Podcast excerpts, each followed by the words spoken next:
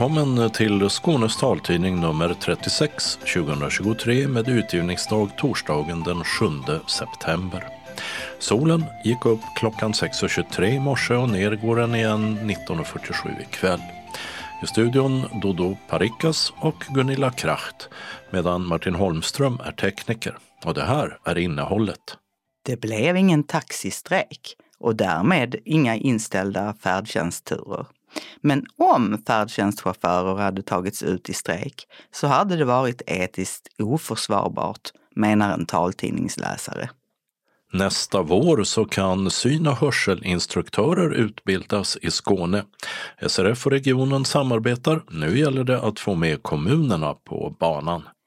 Snart är det dags för tillgänglighetsmarsch i Helsingborg. Och då tycker jag att naturligtvis ska synskadade vara med i den marschen och visa att även vi synskadade finns.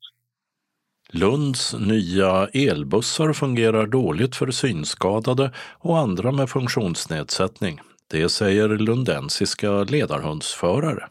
Kliniska försök med transplantation av konstgjorda hornhinnor kan snart utföras i Europa. Men det behövs mer pengar. Patient med hornhinnesjukdom kallades inte till behandling i tid till Skånes universitetssjukhus. Punktskrift och avatarer, både gammal och ny teknik belönas i innovationstävling. Öppnat och stängt sedan med blommor, möbler och vävning. Och så en rättelse. Och en annons om syntolkning på Malmö Opera. Evenemangstips kommer med bland annat salamandervandring och skördemarknad.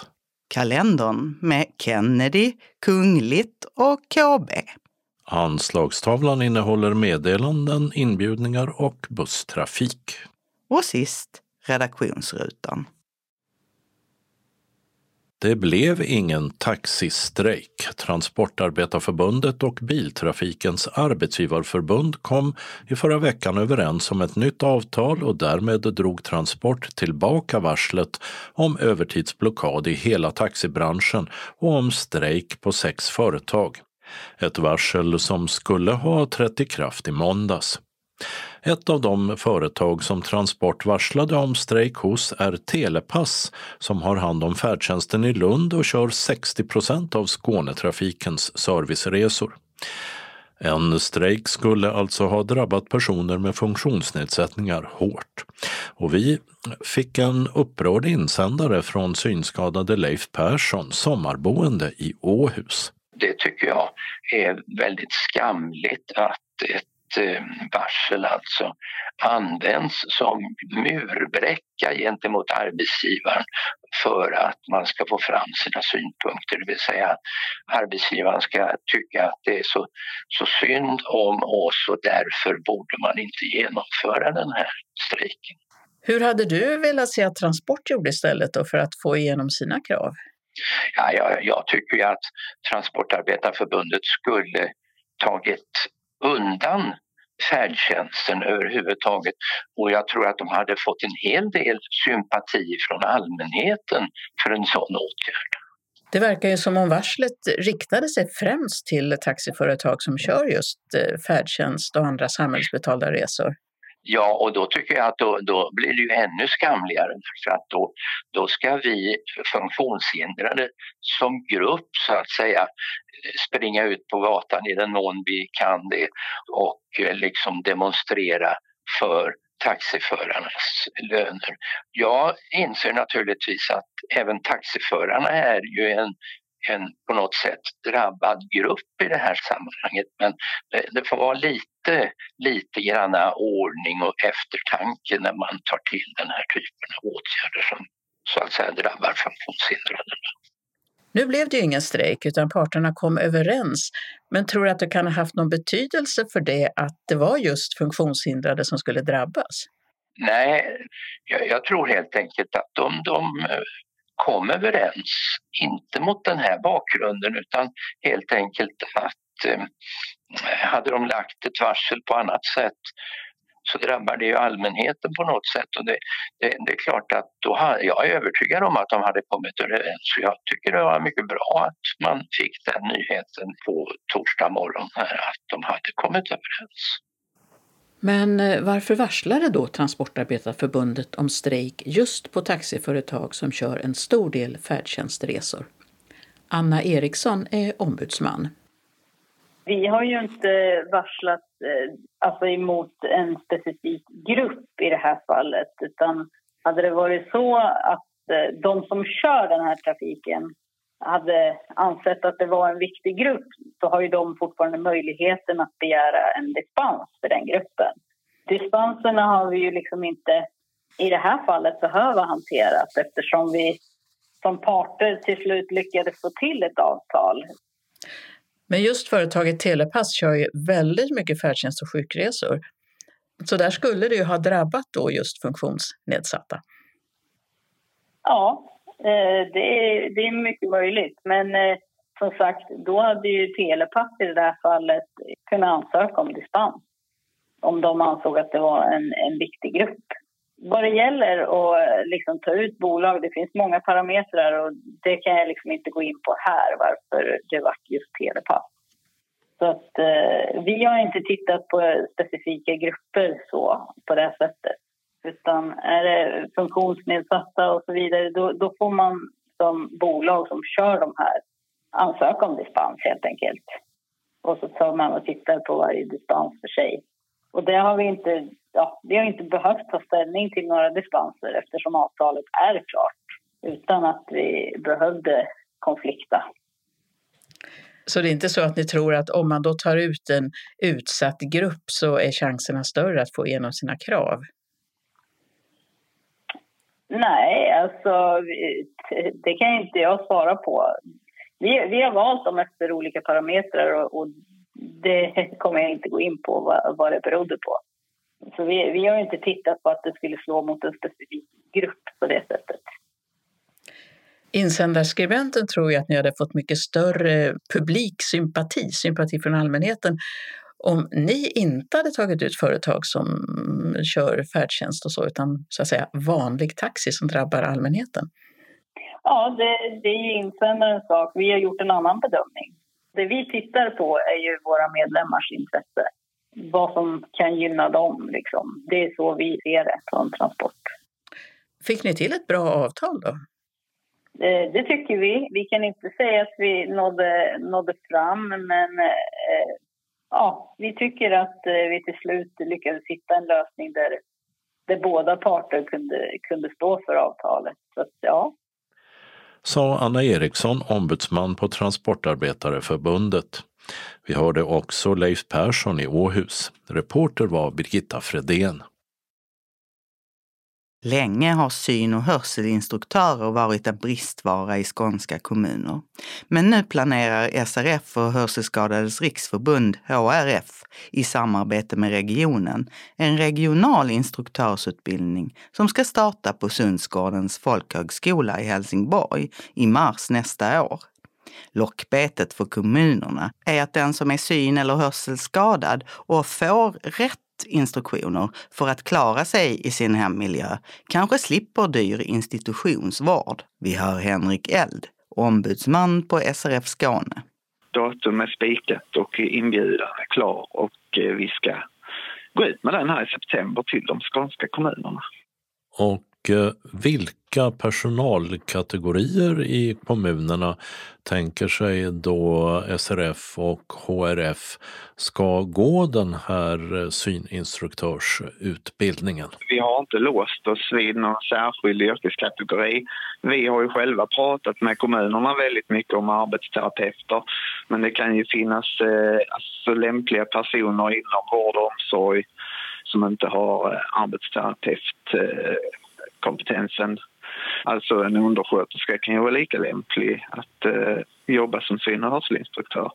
Det är ganska avgörande vilket intresse man har för de här frågorna som person. Så att vi låser oss inte vid att man måste ha en viss eh, utbildning för att gå vår utbildning.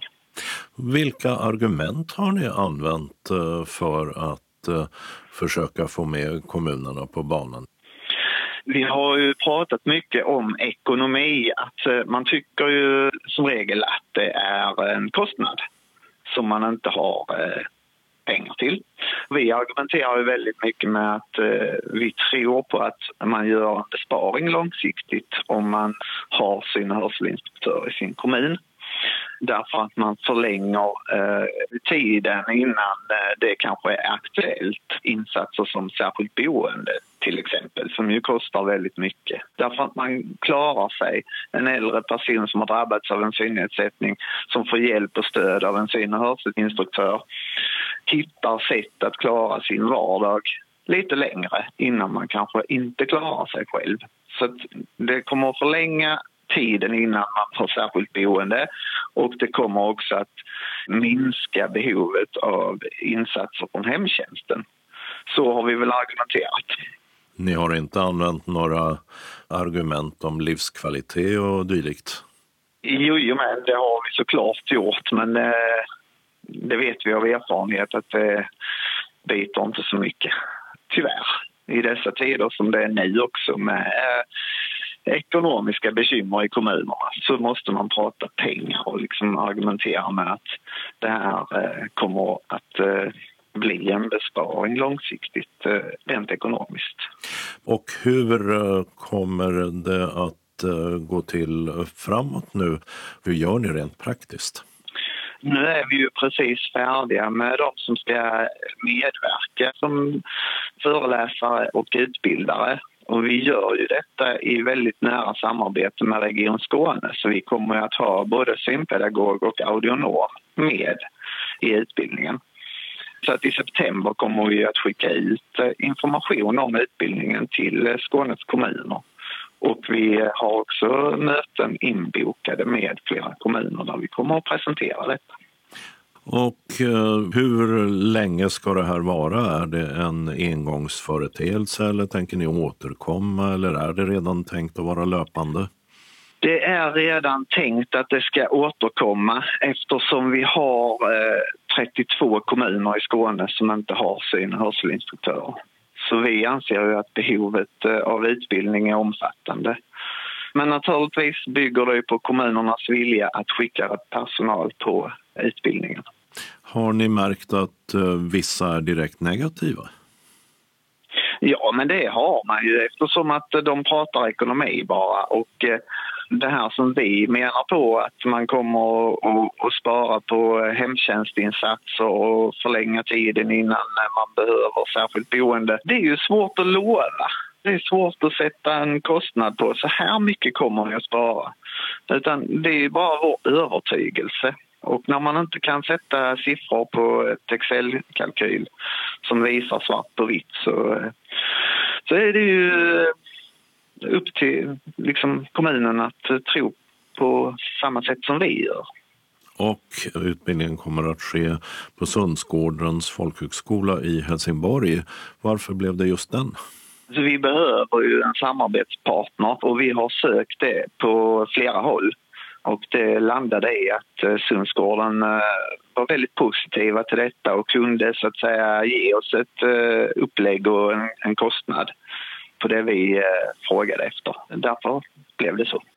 Nyligen skrevs det i flera skånska tidningar om en 88-årig synskadad kvinna i Hässleholm som fick avslag i förvaltningsrätten på den överklagan hon lämnat in efter att ha blivit nekad särskilt boende av omsorgsnämnden i Hässleholm. Kvinnan upplever själv att hon har svårt att klara av vardagen och hon vågar exempelvis inte gå ut själv. Omsorgsnämnden tyckte att hemtjänst var ett tillräckligt stöd för hennes behov och fick alltså medhåll av förvaltningsrätten som dock inte var enhällig i beslutet. Vi hör Henrik Eld igen. Den 27 september så kommer vi ha möte med Hässleholms kommun och då kommer vi ju att eh, lyfta den här eh, 88-åriga synskadade kvinnan som det fanns en artikel i Norra Skåne och Kristianstadsbladet som ett exempel på att visst, ni har fått rätt i er bedömning, ni har stöd från förvaltningsrätten. Men den här kvinnan kommer ju i kläm oavsett. Och där hade en syn och hörselinstruktör eh, kunnat göra stor skillnad. Det menade Henrik Eld, ombudsman på SRF Skåne. Han intervjuades av Dodo Parikas. I Helsingborg äger tillgänglighetsmarschen nu rum för sextonde gången och det blir lördag den 16 september. Arrangörer är DHS Funktionshinderrörelsen och Helsingborg Independent Living, HIL. De har fortsatt med sitt årliga tåg genom staden också efter att den riksomfattande marschen för tillgänglighet upphörde. Och det är för att det är både trevligt och ett effektivt sätt att uppmärksamma frågorna, säger Anki Selander, ordförande i HIL som är ett brukarkooperativ för personlig assistans. Vi synliggör ju liksom problematiken på ett positivt sätt. Det är frågor som verkligen berör många och som behöver upp på dagordningen. Och kan vi då visa allmänheten att det här behövs så är det ju liksom ett plus. För vi får väldigt mycket god respons när vi går av allmänheten som ser oss. Och vi ser ju också att intresset har ökat från år till år. För vi kanske var 50 i början så tror jag vi var 150 förra året. Hur många räknar du med att ni skulle kunna bli i år då? Jag hoppas vi blir 150-200. Jag hoppas ju alltid på en ökning år från år. Men hur går det till? Har man plakat och sånt eller? Det har man, där, man, där det står om tillgänglighet och så. Och nu i år har vi också tillåtit att eh, man också pratar kring assistansen. För att eh, det är ju också en tillgänglighetsfråga. Utan assistans så blir ju livet väldigt begränsat för många. Har du något exempel på vad det kan stå då? Det, det står att vi vill ha tillgänglighet nu exempelvis. Vi har också det här med assistans, tillgänglighet. Det liksom går på det temat. Men har ni någon särskild fråga som är på dagordningen just i år? Nej, utan förra året hade vi ju, efter marschen så samlas vi då alltid på Tivoli och äter. Så att vi bjuder på mat på de som har gått marschen. Och då hade vi också så att eftersom det var valår så fick alla partier då erbjöd vi dem tre minuter var att prata eh, kring sin syn på tillgänglighet. I, I år så är det ju, alltså, det är ju tillgängligheten eh, överlag vad gäller både kognitiv och, och eh, eh övriga grupper då.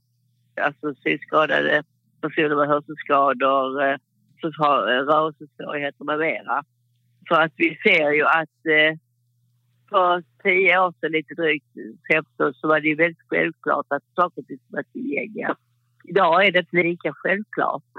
Därför behövs ju den här eh, liksom, eh, upprustningen en gång om året, så att säga. Där vi också talar om för, för staden då att man måste bygga tillgängligt. Man kan inte spara på det. För att det är viktigt att alla kan vara med så att det inte blir diskriminering. Vad ger det, tycker du? Alltså det ger ju en uppmärksamhet på det här och sätter fokus på det här med tillgänglighet. Nu får vi också faktiskt eh, politiska partier som, eh, som faktiskt går med och stöttar det här. Det är väldigt roligt. Det alltså, vår tanke är ju att det ska bli lika uppmärksammat som Pride-paraderna. Det vill säga att man sätter våra frågor då, den här dagen i fokus. Precis som man sätter Pride-frågorna i fokus den dagen man har Pride-tåget. Är det något särskilt som du hoppas på för i år då? Ja, att många kommer och många är med. Det är det som är det viktigaste. Ju fler vi är som går, desto större uppmärksamhet får vi. En som ska gå med i årets tillgänglighetsmarsch och som har deltagit i många av de tidigare också är Christer H Persson som är vice ordförande i SRF Västra Skåne. Längst fram går Helsingborg Drum Corps och banar väg på gatorna. Och det låter så härligt när de dunkar på på trummorna ordentligt inne bland huset. Jag tycker det är en fantastisk upplevelse att gå där och njuta av detta. Så går vi hela gänget sådär lagom fort. Det är folk i rullstolar, folk som går med rullatorer, folk som går med käpp och folk som går med vita käppar. Och går man inte längst fram så kan man faktiskt gå och prata med dem som man har sällskap med. Så går vi från GA torg och norrut på Södra Storgatan och så går vi bort till något lämpligt ställe efter Kullagatan så går man över Drottninggatan och sen går man söderut igen på Drottninggatan och sen vänder man ut till Tivoli. Och sen går vi in där och så får vi någon form av porträring och ofta lite eh, prat av någon förståndig människa som berättar någonting. Vad är det för anledning mer än att det är trevligt så att säga att du brukar delta i den här marschen? Men det är en tillgänglighetsmarsch. Den handlar om tillgängligheten för folk som har någon form av funktionsnedsättning. Och då tycker jag att naturligtvis ska vara synskadade vara med i den marschen och visa att även vi synskadade finns. Vi måste visa våra vita käppar så de ser att vi finns där. Och någon får ju gå då med mer eller mindre ledsagning eller med en eh, hund som leder vägen. Tror du att det gör någon skillnad att den här tillgänglighetsmarschen finns i Helsingborg? Jag är övertygad om att det finns människor som inte har tänkt på detta innan men när det kommer så många människor vandrande i denna vackra musik och visar att vi har någon form av funktionsnedsättning. Vi är dåligt gående, vi är dåligt seende eller någonting annat. Vi finns. Oj, är det så många här som har sådana problem? Och det har jag inte tänkt på innan. Jag tror att det är många som får en tanke där att oj.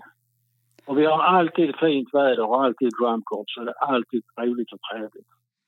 Det sa Christer H Persson, en av dem som ska gå med i tillgänglighetsmarschen i Helsingborg 16 september. Samling sker vid Gustav Adolfs torg klockan 11 och en halvtimme senare är det avmarsch. Gunilla Kracht var det som intervjuade. I samband med omläggningen av busstrafiken i centrala Lund nyligen så lanserades samtidigt nya elbussar som fått synskadade och andra med funktionsnedsättning att reagera negativt. Ann-Kristin Fast och hennes ledarhund Bagheera skickades till exempel längst bak i bussen när ekipaget inte fick plats längre fram. Jag åkte med bussarna först utan ledarhunden tillsammans med en väninna. Och då noterade vi att det var mycket trängre mellan sätena där man har brukat sätta sig ganska strax efter man kommit in på bussen och att det inte längre fanns några fällstolar. Och nästa dag så ringde jag till en annan ledarhundsförare i Lund och kollade om hon också hade noterat att det var för oss betydelsefulla förändringar. Och det hade hon. Och då så har jag sedan åkt.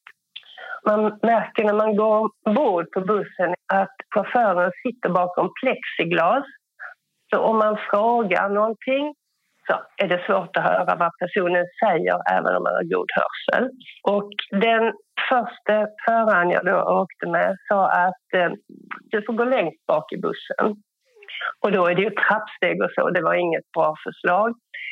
Och då när man söker sig till de platserna där man brukar kunna sätta sig så är det så trångt. Och är det trångt för dig eller är det trångt för dig och eh, ledarhund? Det är lite dålig plats till benen överhuvudtaget mellan det är två sådana säten som är tänkta för eh, äldre personer eller eh, de med rörelsesvårigheter. Och det första av de två är helt omöjligt för någon med ledarhund för där är det en stång längs med sätena. En hund kan absolut inte ligga där och sen är det en sån där som jag tror de kallar ledstång som mer är i ansiktshöjd ungefär. Där man kan hålla sig då när man sitter där. Men där, det är två platser som tidigare var bra som är helt omöjliga och sen är det två säten då bakom. Där är det bara trängre mellan sätena och den framförvarande Agera försökte gå in, men hon kommer liksom in en liten bit. Så ligger hon utanför med rumpan och, och eh, svansen.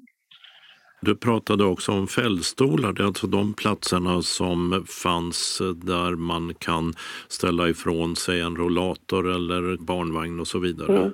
Och den platsen har ju blivit större, men det finns inte en enda fällstol. Tidigare så fanns det totalt sex, tror jag. Möjligen var det bara fem såna här fältstolar som man kunde sätta sig på. Och de med rullatorer kunde gå in på mittplatsen, sätta sig och som ledarhundsförare kunde också ta en sån plats. Men de finns inte. Vilket till exempel kan innebära att den som har rollator måste ställa ifrån sig den på ena sidan om bussen och vingla över till andra sidan till de vanliga sätena.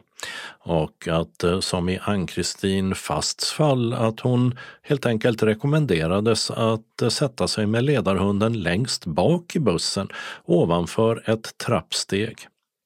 Ann-Kristin Fast sitter också i Lunds kommuns funktionshinderråd där information om saker och ting som rör eh, funktionshindrade är tänkt att nå ut. Hade de fått någon information den vägen om de här förändringarna i trafiken som ju visserligen sköts av Skånetrafiken och därmed Region Skåne? Nej, vi hade ingen aning om det här. Det är regionen som har upphandlat. Och eh, ja, alltså man kan ju tycka att kommunen skulle på något sätt eh, ha någon slags... Eh, för även om de har lämnat ifrån sig ansvaret så kanske man kan tycka att man ändå har ett ansvar för att kolla eller så. Men det vet jag inte hur det är juridiskt. Men det kan ju tänkas bli att man skyller lite på varandra kan man ju vara rädd för. Sa Ann-Kristin Fast ledarhundsförare i Lund. Reporter var Dodo Parikas. Förra hösten berättade vi om en pilotstudie där man testat att transplantera hornhinnor av kollagen, ett protein som utvunnits ur grishudar. Försöken utfördes på patienter i Indien och Iran och det var personer med diagnosen keratokonus, en degenerativ sjukdom i hornhinnan som gör att den blir konformig och tunnare. Försöken var enligt forskarna mycket lyckade. Alla de 20 patienterna fick synförbättringar och tre som varit blinda återfick normal syn. Nu vill forskare i Linköping testa den här metoden i Sverige och Europa. Men för det krävs det pengar, säger forskningsledaren professor Neil Lagali vid Linköpings universitet. Det kräver en del um, pengar förstås, eh, så vi söker nu forskningsmedel och sen även samarbetspartners eh, har vi pratat med flera där vi kan utföra kliniska studier. Det kommer att ta lite tid innan vi drar igång men ehm, det är målet att fortsätta här i Europa.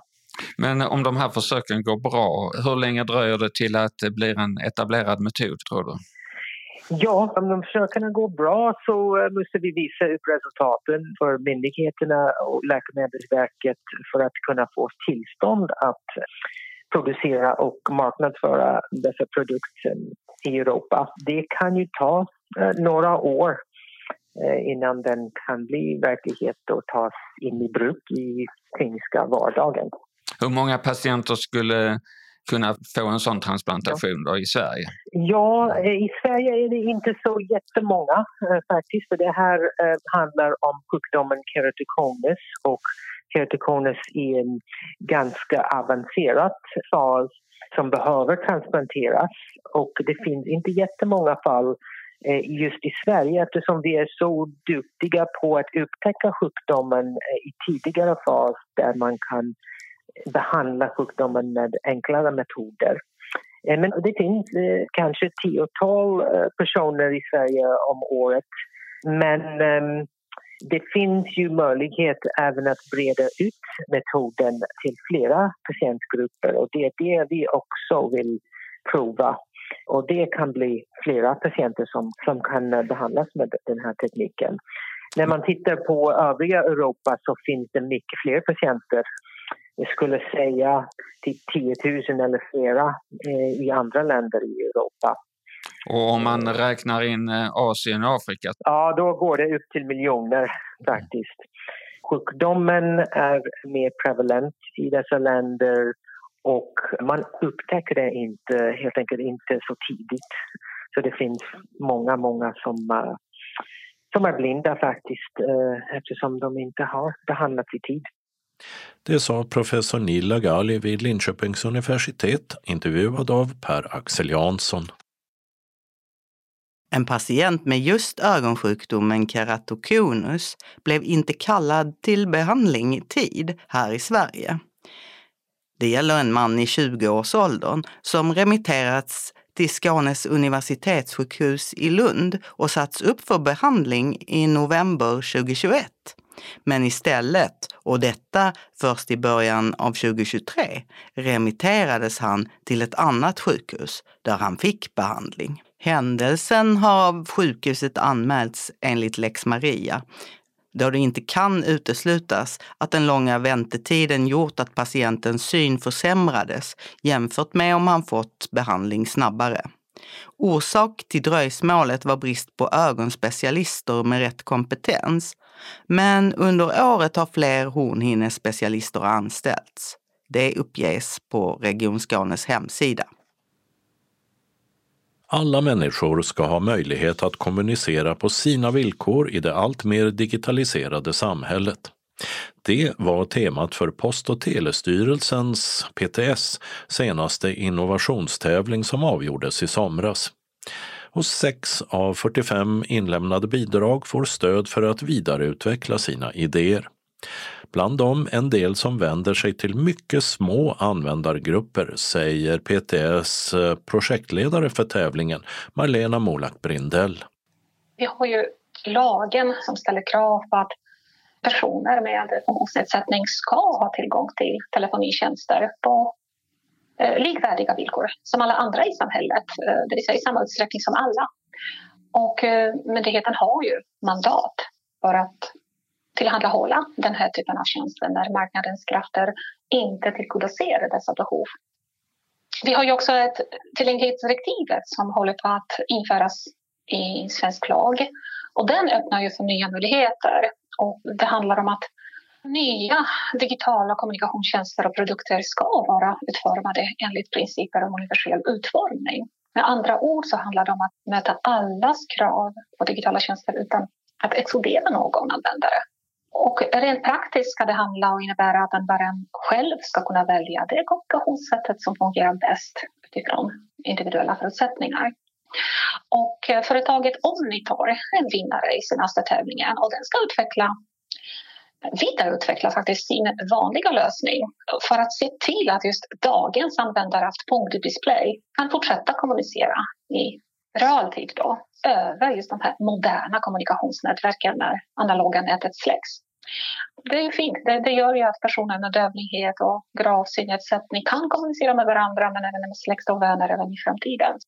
Ett exempel att teckenspråkig person med dövlighet som använder sig av teckenspråk i sin kommunikation kan eh, samtala med en döv person som från sin sida skriver till den här personen med dövhet med, med hjälp av realtidstext.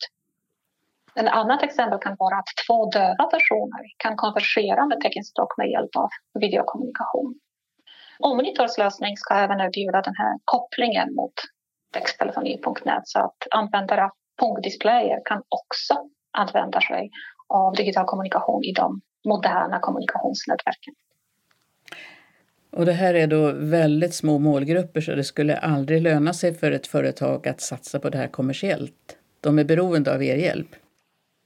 Och då tycker vi att det är fint att BTS innovationstävling eh, finns och eh, kan erbjuda just den här stöttning för företagare som, som inte enbart själva kan bekosta just de nödvändiga eh, investeringarna för att satsa på tjänsteutveckling.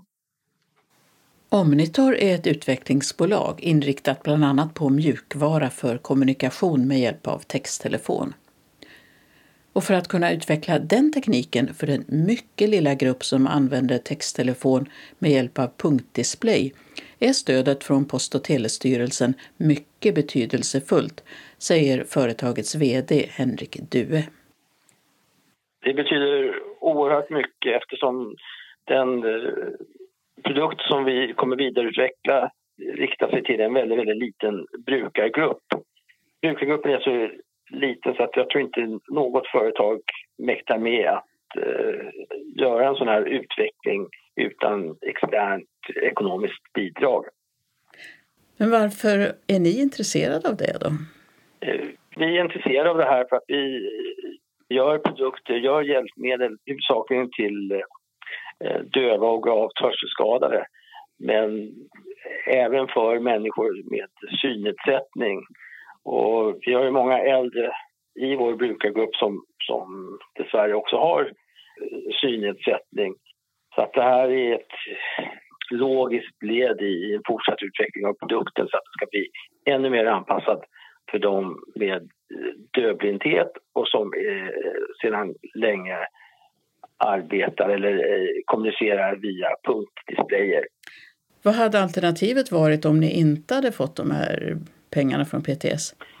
Brukargruppen som har punktdisplayer och kommunicerar i realtid via eh, textförmedlingen, det vill säga texttelefoni.se, de är beroende av gammal teknik, det vill säga punktdisplayer i kombination med analog texttelefon.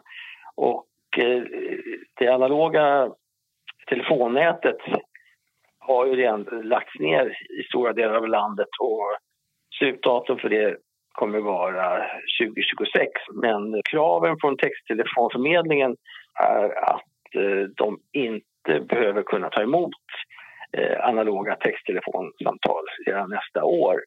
Så att för den brukargruppen som som sagt använder sig av punktdisplayer och analog texttelefoni, de kommer ställas helt utan kommunikationshjälpmedel om inte vi får vår produkt att fungera bra. En något större målgrupp har företaget Extaktors vibrerande armband med vars hjälp man kan skicka och ta emot meddelanden utan att ens ta fram sin mobiltelefon. Ett projekt vi berättat om tidigare. Men allt som belönades ska inte resultera i produkter. En del handlar också om utbildning, till exempel träning med hjälp av artificiell intelligens och avatarer. Marlena Molak Brindell förklarar digital och säker träningsmiljö där användaren tar hjälp av en avatar. Man kan se det som en animerad figur som visas på bildskärmen. Och det kan styra den på olika sätt genom en mus, bord och röst, ljud, gester, allt utifrån egna förutsättningar. Och i delen, när den kommer in där i utveckling av digitala utbildningar den ja, ger nya möjligheter också. Det erbjuder helt nytt sätt av individanpassat lärande. Så att just utbildningen motsvarar enskildas behov i lärtid. Så eh, tanken är att eh, målgrupperna som äldre och personer med eh, autismspektrum eller döva just kan träna på att bli mer digitala, digitalt aktiva i en säker och trygg träningsmiljö och utifrån egna förutsättningar och i sitt eget tempo. Vad är det man ska träna sig på då? Vad, vad är det tänkt som? Att eh, man sitter och tränar, man så att säga pratar med den här avataren. Men vem är det man ska prata med i verkligheten sen då när man har tränat sig? Ja, det finns olika steg och olika moduler som vi kanske väntar och ser hur eh, företaget bakom det utvecklar. Och, så den här innehållet vågar jag inte stå för och, och förklara nu. Det är lite utanför min kontroll. Men man hoppas att man kommer kunna träna på de momenten som är viktiga för att hantera digitala tjänster. Hur man kanske skaffar sig en e-post, hur man identifierar sig digitalt. Den här typen av frågor. Så vi, vi får vänta och se om ett och ett halvt år vet vi mer och kan presentera produkten och testa den. Ja, priset i innovationstävlingen är alltså ett ekonomiskt stöd under ett och ett halvt år för att utveckla idén. Tillsammans får de sex vinnarna drygt 13 miljoner kronor. Och PTS stöd kommer även i fortsättningen att vara viktigt för att minska det digitala utanförskapet, säger Marlena Molak Brindell. Ja, för att alla oavsett funktionsförmåga ska kunna använda de moderna digitala tjänster behövs ju aktivt arbete med satsningar på tjänsteutveckling. Och det finns en hel marknad där ute. Det finns aktörer som utvecklar tjänster och produkter. Jag tror att PTS innovationstävling spelar en betydande roll inom branschen just för att skapa den här plattformen för att samla och främja innovativa idéer och lösningar. Och jag hoppas verkligen att PTS kommer att kunna fortsätta satsa just för fortsatt inkluderade samhällsutveckling och få största möjliga användarnytta egentligen.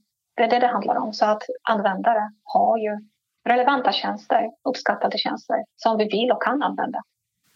Det här var den 18 innovationstävlingen Post och telestyrelsen arrangerat. Och en hel del av de vinnande bidragen genom åren har också blivit framgångsrika. Marlena Molak Brindell ger exempel. Kanske delad kontroll är någonting som jag har i minnet. Det är en ny funktion som utvecklades av eh, företaget Verisec och eh, som implementerades i, i Frejas mobila e-tjänst för e-legitimation. Och den här delad kontroll, det är en funktion som gör det möjligt för personer som inte kan eller vill hantera sin legitimation på egen hand just att ta hjälp av en, en anhörig eller en annan stödperson när man använder tjänster, digitala tjänster som kräver legitimering. Vilket gör just den här e-legitimeringsprocessen tillgänglig för alla. Eh, så det är den ena. Eh, vi har ju Storytel. Eh, det är ännu en framgångssaga som jag kan nämna. Det var ett relativt ungt bolag som sökte sig till PTS innovationstävling till en av de allra, allra första innovationstävlingarna med temat kultur och fritid. De sökte till tävlingen med eh, ett projekt eh, din röst heter det. Och syftet var att skapa ett smidigt och kostnadseffektivt sätt att ge ut ljudböcker. Och eh, numera, numera är Storytel så känd och det är ett börsnoterat bolag med halv miljon ljudböcker det senaste jag har hittat och tjänsten är tillgänglig på 25 marknader och eh, har ju miljoner, två miljoner betalande abonnenter. Så det är fint att ha just sådana projekt i portföljen. Sa Marlena Molak Brindell, projektledare för Post och telestyrelsens PTS innovationstävling. Vi hörde också Henrik Due, VD för Omnitor, ett av de vinnande företagen. På vår hemsida finns en länk till inslaget om X-band, det vibrerande armbandet som kommunicerar trådlöst med mobiltelefonen. Reporter var Birgitta Fredén. Öppnat och stängt. I Helsingborg har blomster och inredningsaffären Port nummer 22 flyttat från Norra Strandgatan 22 till Bruksgatan 7. I Helsingborg har konditori Öresund i Maria Park stängt och på adressen Grepgatan 34 så har istället restaurangen Bam Sushi flyttat in. I Helsingborg stängde restaurang Kigo på Sundstorget 3 för en tid sedan och numera finns den italienska restaurangen Peppe i lokalerna. Öppet 17 till 22 tisdag till torsdag samt söndag och 17 till 24 fredag och lördag. I Lund har restaurang South Indian öppnat på Bantorget 9. Där serveras specialiteter från det sydindiska köket och sedan tidigare driver ägarna en restaurang med samma namn på Södra Förstadsgatan 84A i Malmö. I Tomelilla har möbelbutiken EM Home på Gustavs torg 3 bytt namn till Svenska Hem. Och i Tomelilla har föreningen Vävstugan flyttat vävstolar och verksamhet från Kastanjeskolans annex till Gamla Sparbankshuset vid torget. I Ängelholm har second hand-butiken Fyndhuset stängt på Helsingborgsvägen 50 och flyttat till Heimdallgatan 42. I Ystad har restaurang Mamma Food öppnat på regementsområdet. Här serveras bland annat mankish, så kallad mellanösternpizza och även italienska pizzor.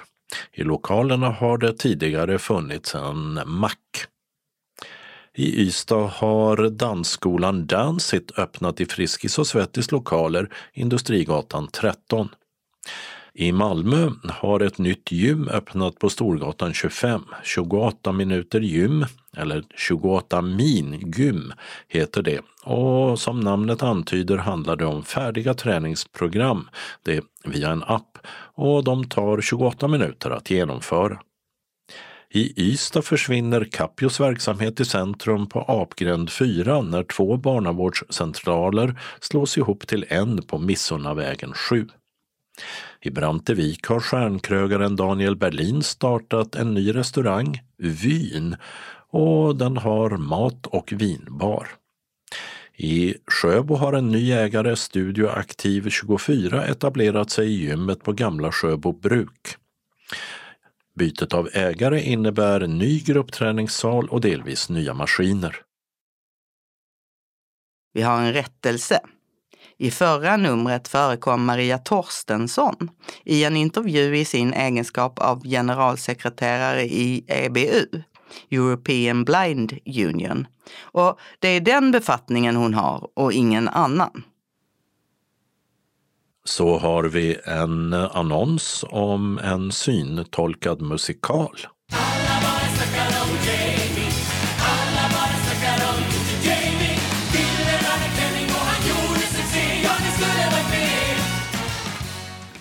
Ja, det var musik från musikalen Everybody's talking about Jamie.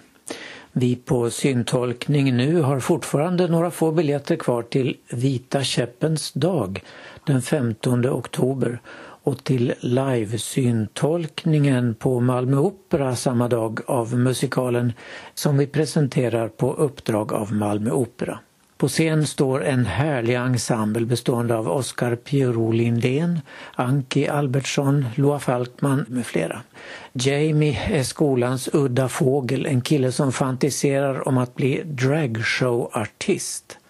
Så här beskriver Oskar Piero Lindén själv den Jamie han ska spela. Jamie är 16 år och har en dröm om att bli dragqueen. Det är en ung kille som, han kanske inte själv förstår att han har koll på läget men många runt omkring ser tydligt att han vet vem han är. Men vi får följa med när han får lära känna sig själv. Att vara gay är inte helt lätt i en grå arbetarstad. Och det blir inte lättare när ens stora dröm är att bli dragqueen. Skolan känns urtrist men i sina dagdrömmar är Jamie stjärna i en underbar färgsprakande show. Jamie har det bra hemma med sin mamma som stöttar i vått och torrt. Han har också sin bästa vän, pluggisen Pritti och klarar ganska bra att stå upp emot klassens retsticka Dean. Men han har en tagg i hjärtat, en frånvarande pappa som inte vill ha någonting med sin omanlige son att göra. Men han hittar en slags ny fadersgestalt i gamla dragqueenen Loco Chanel spelad av Loa Falkman. Och det är inte första gången Loa uppträder i Pumps. Det beror på att jag eh, i slutet på 70-talet så eh, gjorde jag ett nummer som Carmen Miranda med ett fruktfart på huvudet med bananer, äpplen och ja, gud vet vad. Och sen gjorde jag Donizettis Viva la mamma med Margareta Alin. Och sen så nu för några år sedan så gjorde jag Zaza i Cash och vi har ett antal platser nära scenen på Malmö Opera. Biljetterna kostar 695 kronor, ledsagare följer med utan kostnad. Kolla in biljetter via hemsidan syntolkning.nu eller på telefon 0730 34 51 12 eller via mejl boka ett snabel-a syntolkning.nu. Har ni presentkort kan ni också höra direkt med Operan om platser. Vi hörs när du vill. Evenemangstips Lördagen den 9 september är det växtmarknad på Österlens museum på Storgatan 24 i Simrishamn mellan 10 och 13. Besökarna kan fynda andras växter men också sälja sina egna i museets trädgård. Biosfärfestivalen äger rum mellan den 9 och 17 september i det som kallas Storkriket, som tidigare hette Vombsänkan, alltså ett område mitt i Skåne som omfattar hela Lunds och Sjöbo kommun och börjar i Eslövs kommuns södra delar. Invigning är det den 9 klockan 11 på Boklundens konferens på Trollskogsvägen i Torna-Hällestad. Därefter är det bland annat salamandersafari och föredrag om fåglar klockan 12 och barnteater klockan 14. På Idolfs loge i Flyinge är det körsingelång mellan 15 och 17. Det är bara att dyka upp och sjunga med. Ingen föranmälan krävs. Från den 10 september är det öppen trädgård på Övets kloster dagligen under hela festivalen mellan 9 och 17. Och den 13 klockan 13 är det föredrag om fisket och arbetet med vattenkvaliteten i Vombsjön vid småbåtshamnen i Vresset vid Vombsjöns östra strand. Föranmälan görs till hakan.bjorklund snabel a ekologigruppen.se den 14 mellan 17 och 19.30 är det föredrag och rundvisning på Mossagårdens ekologiska odling i Veberöd. Till detta görs anmälan via studiefrämjandet.se skane lan. Evenemangen som nämnts här är gratis. Fullständigt program finns på hemsidan storkriket.se. Det är öppet hus på brandstationen i Lövestad den 9 september mellan 11 och 14. Deltidsbrandkåren där fyller 110 år och det firar de med att bjuda på kaffe och bullar och korv med bröd. Det blir också visning av brandkårens fordon och en övningsuppvisning. Riksteatern turnerar runt i Skåne i höst med Malmö Operas version av Sture Rangströms opera Kronbruden som bygger på August Strindbergs pjäs med samma namn. På Lunds stadsteater den 9 september är det premiär och då erbjuds också syntolkning av syntolkning.nu. Biljetter för 390 kronor kan köpas via Visit Lund på 046 13 14 15. Den 12 september kommer den legendariske brittiske poeten och reggaeartisten Linton Kwesi Johnson till Malmö stadsbibliotek och författarscenen. Där han samtalar på engelska med den zimbabwiska författaren Tsitsi Dangaremga. Samtalet börjar klockan 19 och 18.30 är det uppläsning av poeterna Ilari Joshikovska och Maja Spännare. På Stadsbiblioteket i Lund talar Sebastian Wächter, audionom och doktor i klinisk medicin, om tinnitus den 12 september klockan 18.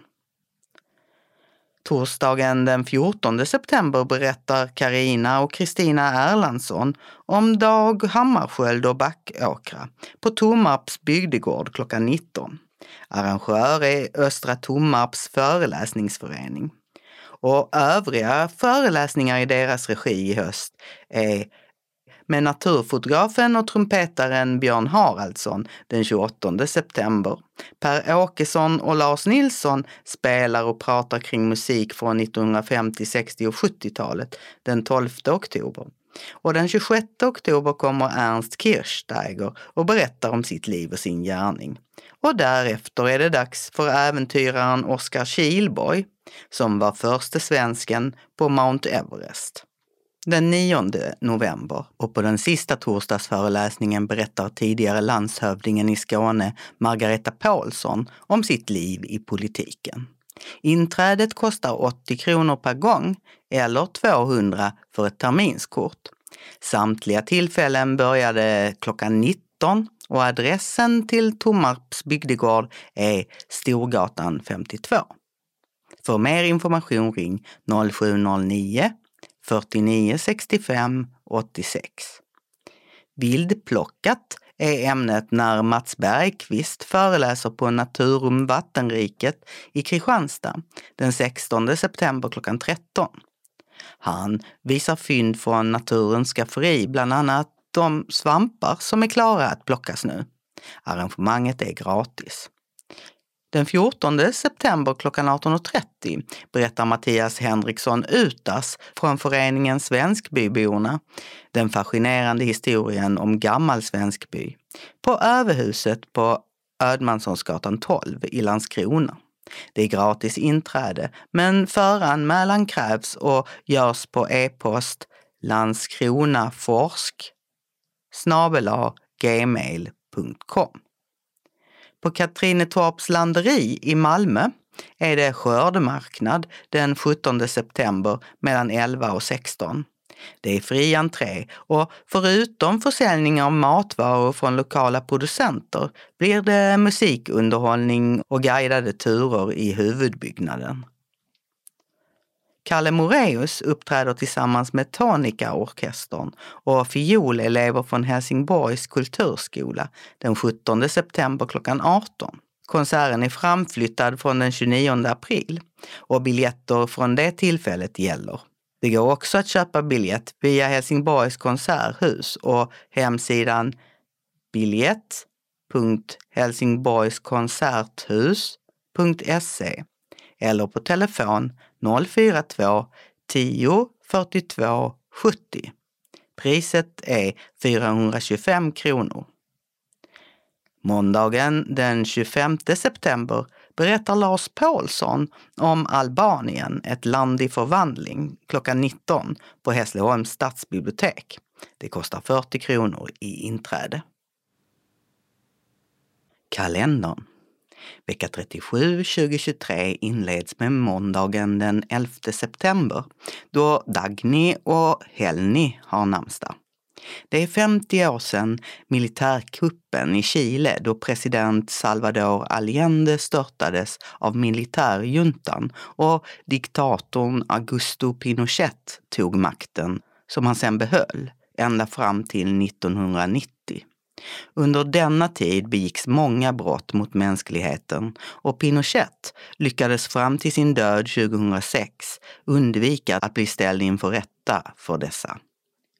Salvador Allende dog i presidentpalatset i Santiago den dag han störtades.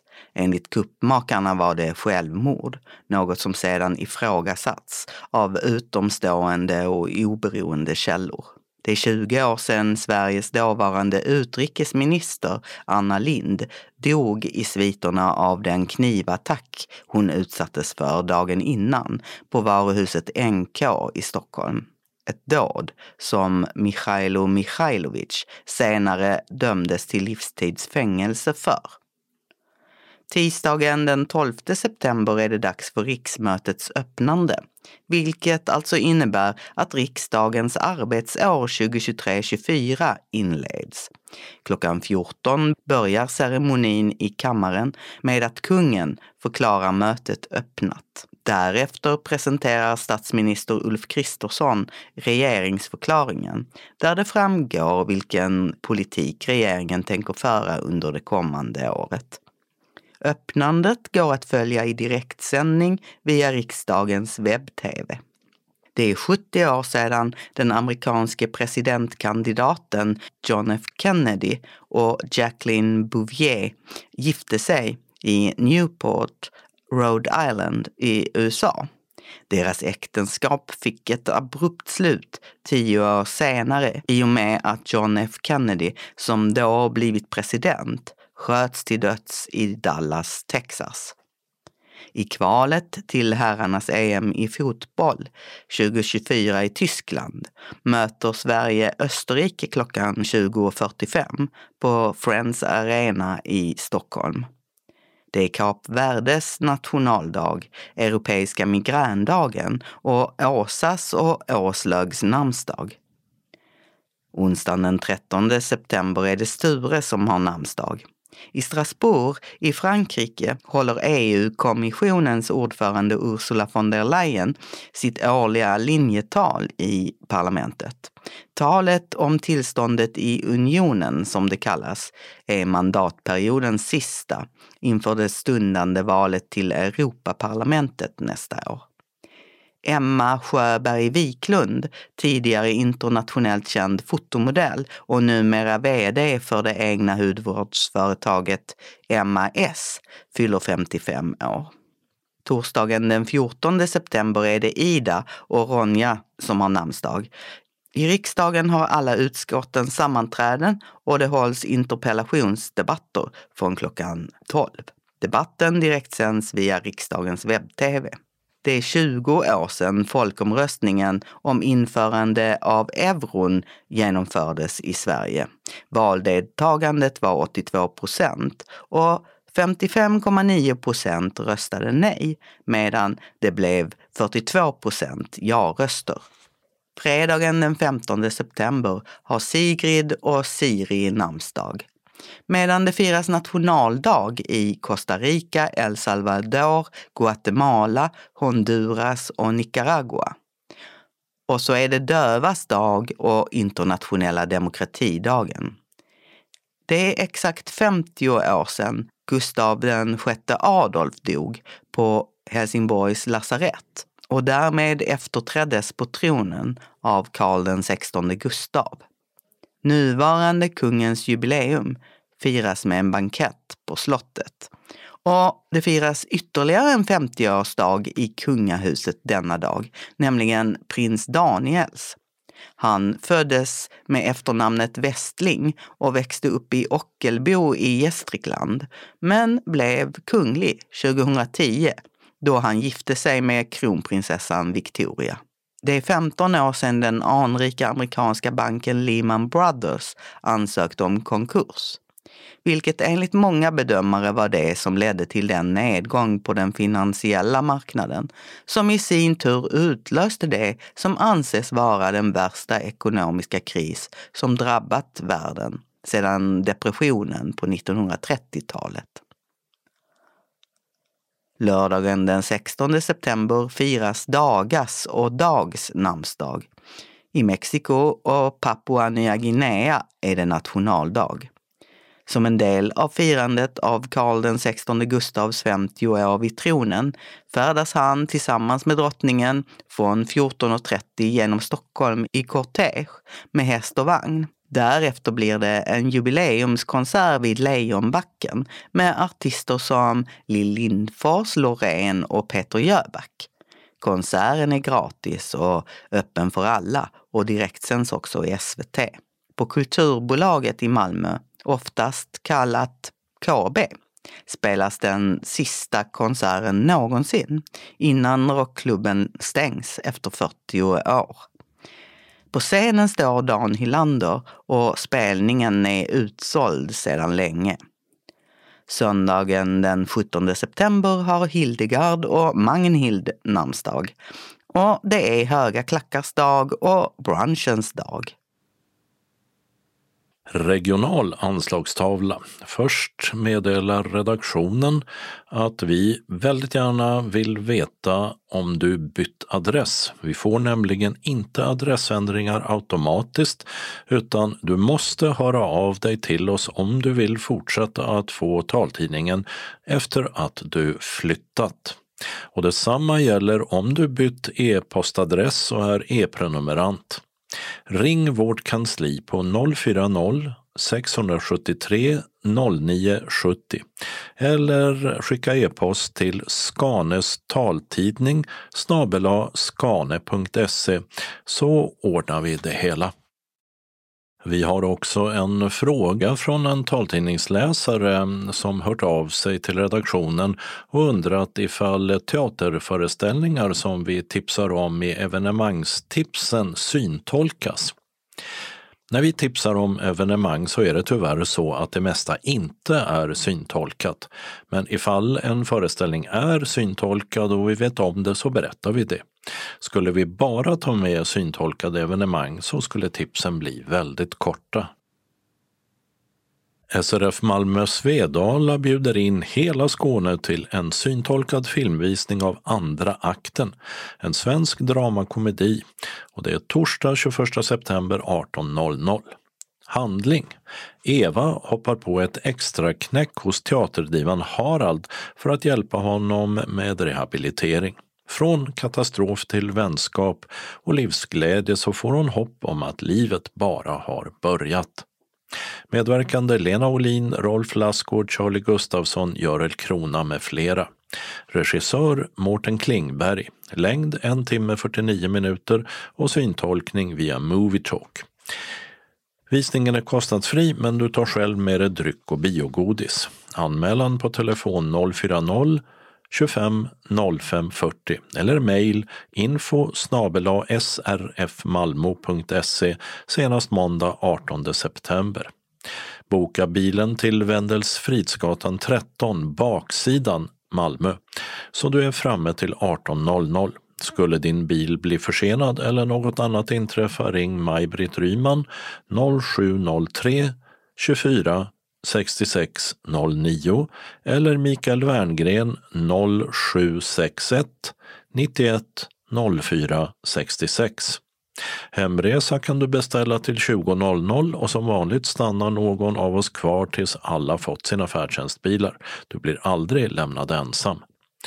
Och obs, det här gäller endast för medlemmar utanför Malmö, att reseersättning som vanligt utgår från SRF Skåne för resor utanför Malmö, när kvittot skickats in inom tre månader efter syntolkningstillfället.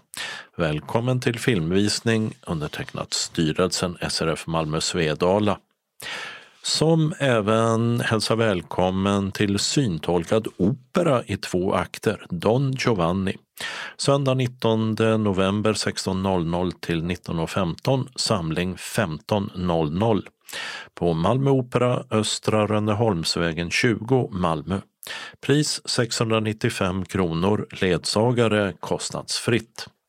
Handling Den gamla legenden om kvinnotjusaren Don Giovanni, Don Juan, som både förför och förstör i sin ständiga jakt på nya äventyr, har fascinerat människor i alla tider.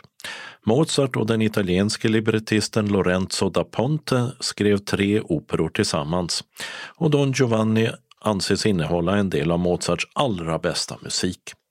Anmäl dig till kansliet senast torsdag 14 september. Berätta vid anmälan om du behöver ledsagning, lur och inbetalningsavi. Du betalar in på föreningens bankgiro 192-96 45 eller swish 123 077 8050 senast torsdag 28 september. Glöm inte skriva Giovanni och namnet på deltagaren vid betalningen. Hemresa kan du beställa till 20.00. Och medlemmar utanför Malmö erhåller reseersättning på samma sätt som i föregående meddelande. Har ni frågor innan föreställningen, ring Maj-Britt Ryman. Hjärtligt välkomna hälsar styrelsen. Vi har några ändringar i busstrafiken i Helsingborg. Ombyggnaden på Helsingborg C fortsätter. Hållplats Tingshuset läge B är stängd för linje 218, 219, 297, 298 och 299 till och med 3 december 16.00. Resenärer hänvisas till hållplats Helsingborg C cirka 500 meter norrut på Terminalgatan. Däremot så är en del omflyttningar inne på bussterminalen på Helsingborg C klara i förtid. Läge G, H, I, J, K och L som haft ersättningshållplatser i fjärrbussterminalen är tillbaka på sina egna platser. Det berör linje 218, 219, 220, 251, 297, 298 299 och Skåneexpressen 11 samt närtrafik och kommersiell busstrafik. Anslagstavlan för norra Skåne börjar med meddelanden från Synskadades förening Kristianstad-Bromölla Östra Göinge som bjuder in sina medlemmar till operan Kronbruden på Kristianstad teater torsdag 19 oktober 19.00. Operan är baserad på August Strindbergs drama en svensk Romeo och Julia-saga som inleds en sommar på fäboden. Speltid cirka två timmar inklusive paus. Eva Håkansson syntolkar föreställningen. Det finns möjlighet att förbeställa fika och dryck. Vi träffas 17.30 i teaterbaren och fikar tillsammans innan föreställningen. Anmälan senast fredag 15 september till Anita Svensson 044 533 09. Om Anita inte kan svara, var vänlig anmäl till telefonsvararen så ringer hon upp. Eller anmäl via Anita Svensson 109 gmail.com. Anita Svensson som ett ord och så en etta, en nolla och en nia.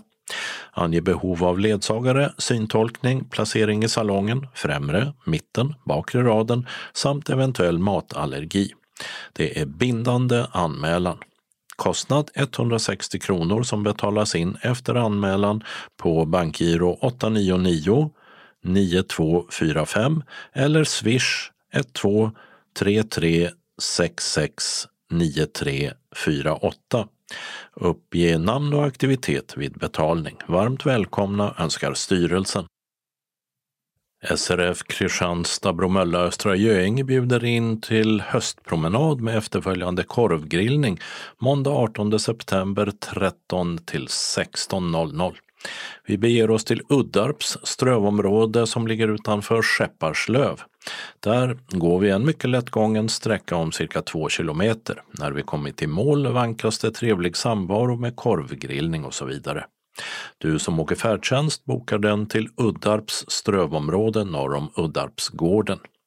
Vi behöver ha anmälan senast 14 september.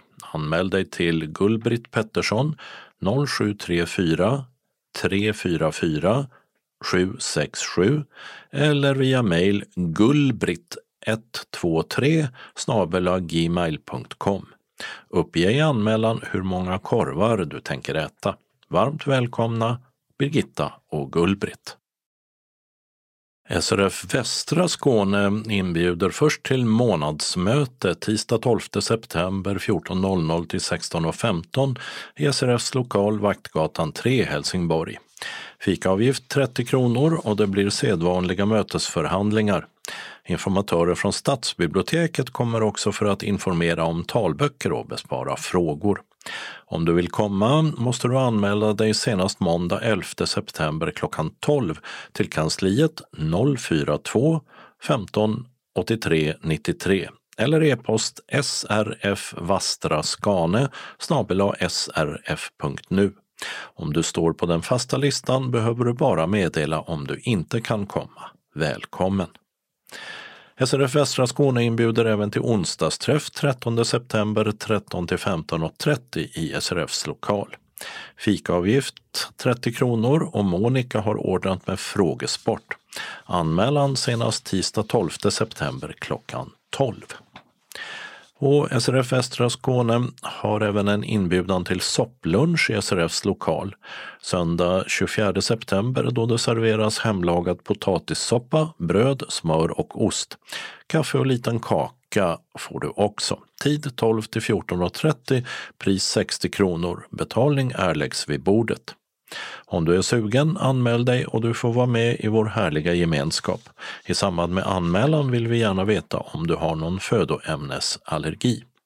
Anmälan senast 15 september till Gunnel 0733 59 50 83.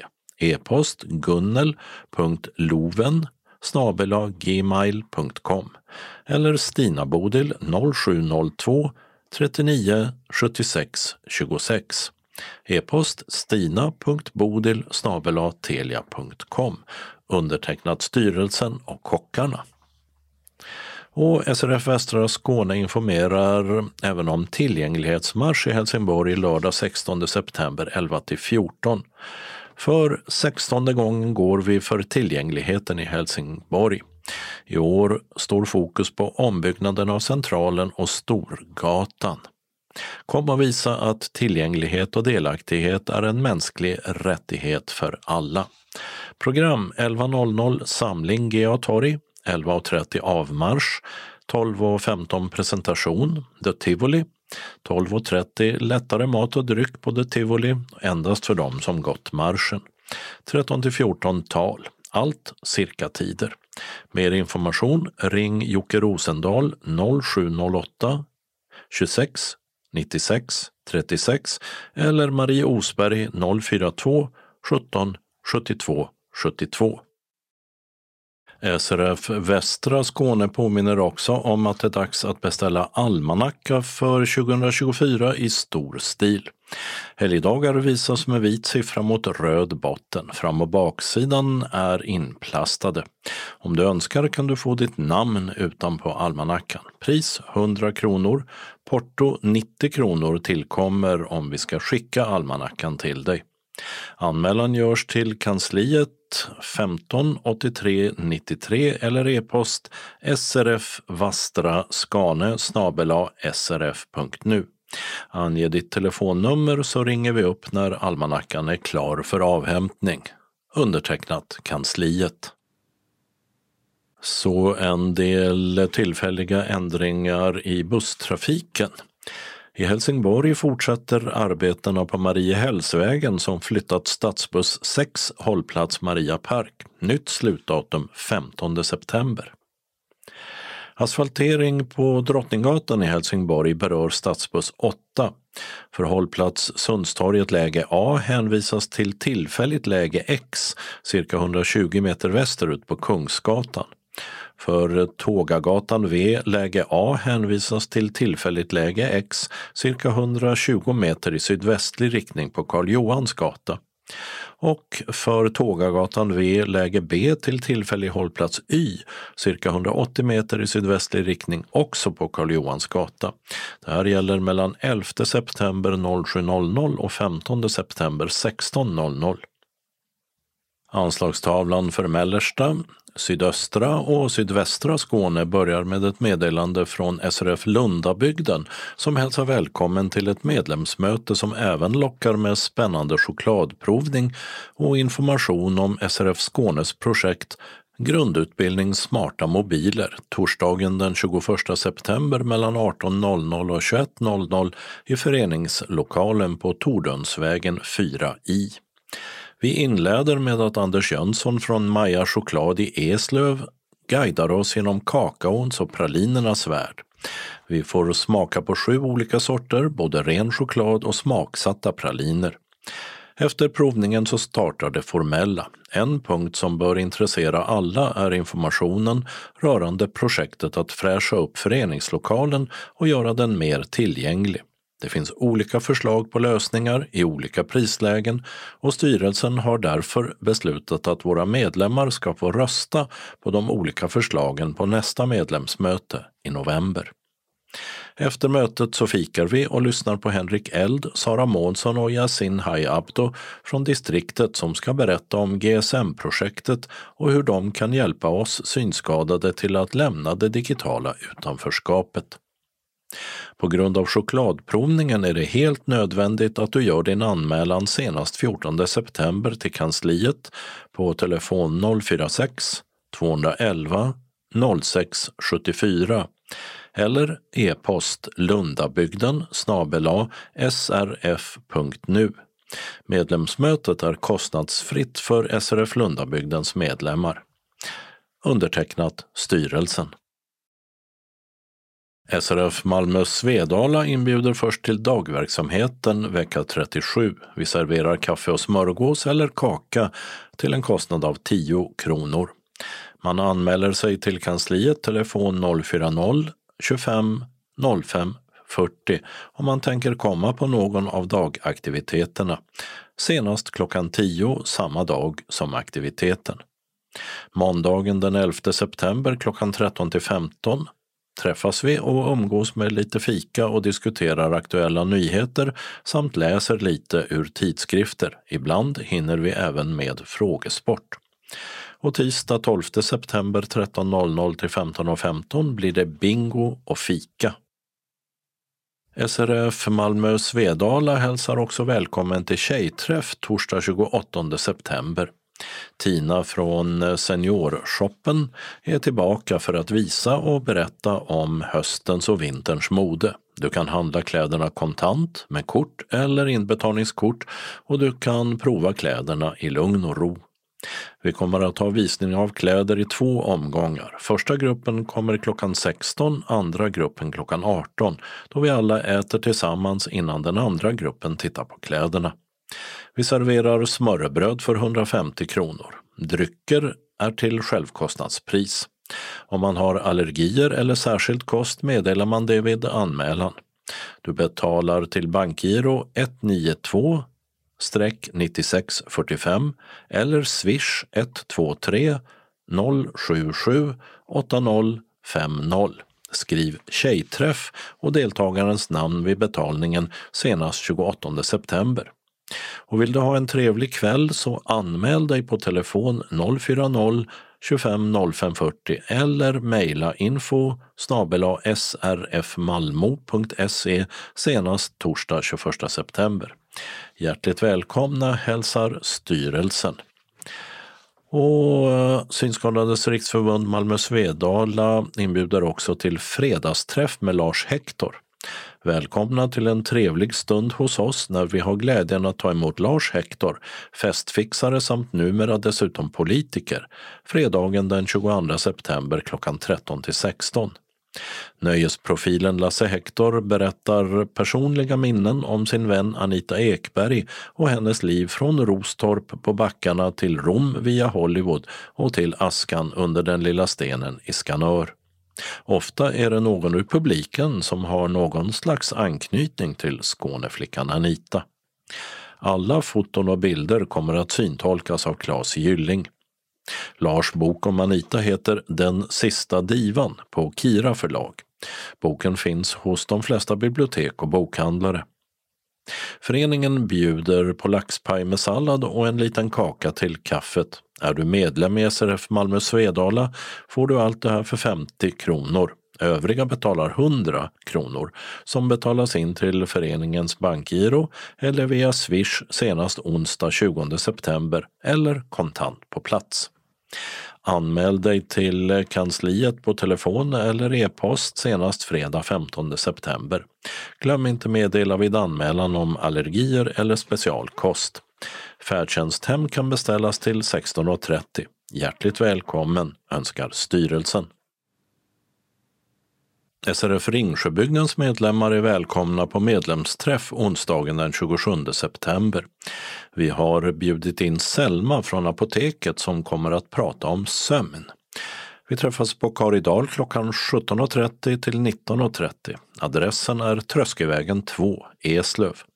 Anmälan görs senast måndagen den 18 september till Birgitta. Telefon 0413 54 13 33 eller 070 55 03 261. Och så några tillfälliga ändringar i busstrafiken i Malmö. De hållplatsarbeten i Malmö som rör stadsbuss 6 och hållplats Ventilgatan och som skulle hållit på till 29 september. De arbetena är redan klara och hållplatsen är i bruk igen som vanligt. Och I Malmö pågår ombyggnadsarbeten på John Erikssons väg. Hållplats Anneberg, läge B på ringlinje 3, Moturs, är stängd med hänvisning till Pildammarna, läge B på Pildammsvägen eller Stadion, läge A på John Erikssons väg. Detta gäller 11 september 9.00 till och med 29 september 15.00. Och i korsningen Bellevuevägen Bågängsvägen i Malmö är det VA-arbete 11 september 15.00 till 15 september 15.00. För stadsbuss 1 hållplats Bågängsvägen i bägge riktningar hänvisas till hållplats Rudbäcksgatan i bägge riktningar, cirka 260 meter i nordlig riktning på Bellevuevägen. Och det var allt för det här numret. Nästa nummer av Skånes taltidning kommer torsdagen den 14 september. Skånes taltidning ges ut av Region Skånes psykiatri och habiliteringsförvaltning. Ansvarig utgivare är Martin Holmström. Postadress Jörgen Ankersgatan 12, 211 45 Malmö. Telefon 040-673 09 70. E-post Skanes taltidning snabela skane.se och hemsida skanestaltidning.se. Observera att CD-skivorna inte ska skickas tillbaka till oss. Såväl skivor som kuvert kan läggas i brännbara sopor när ni inte längre vill ha dem. Vi hörs igen. Hej då!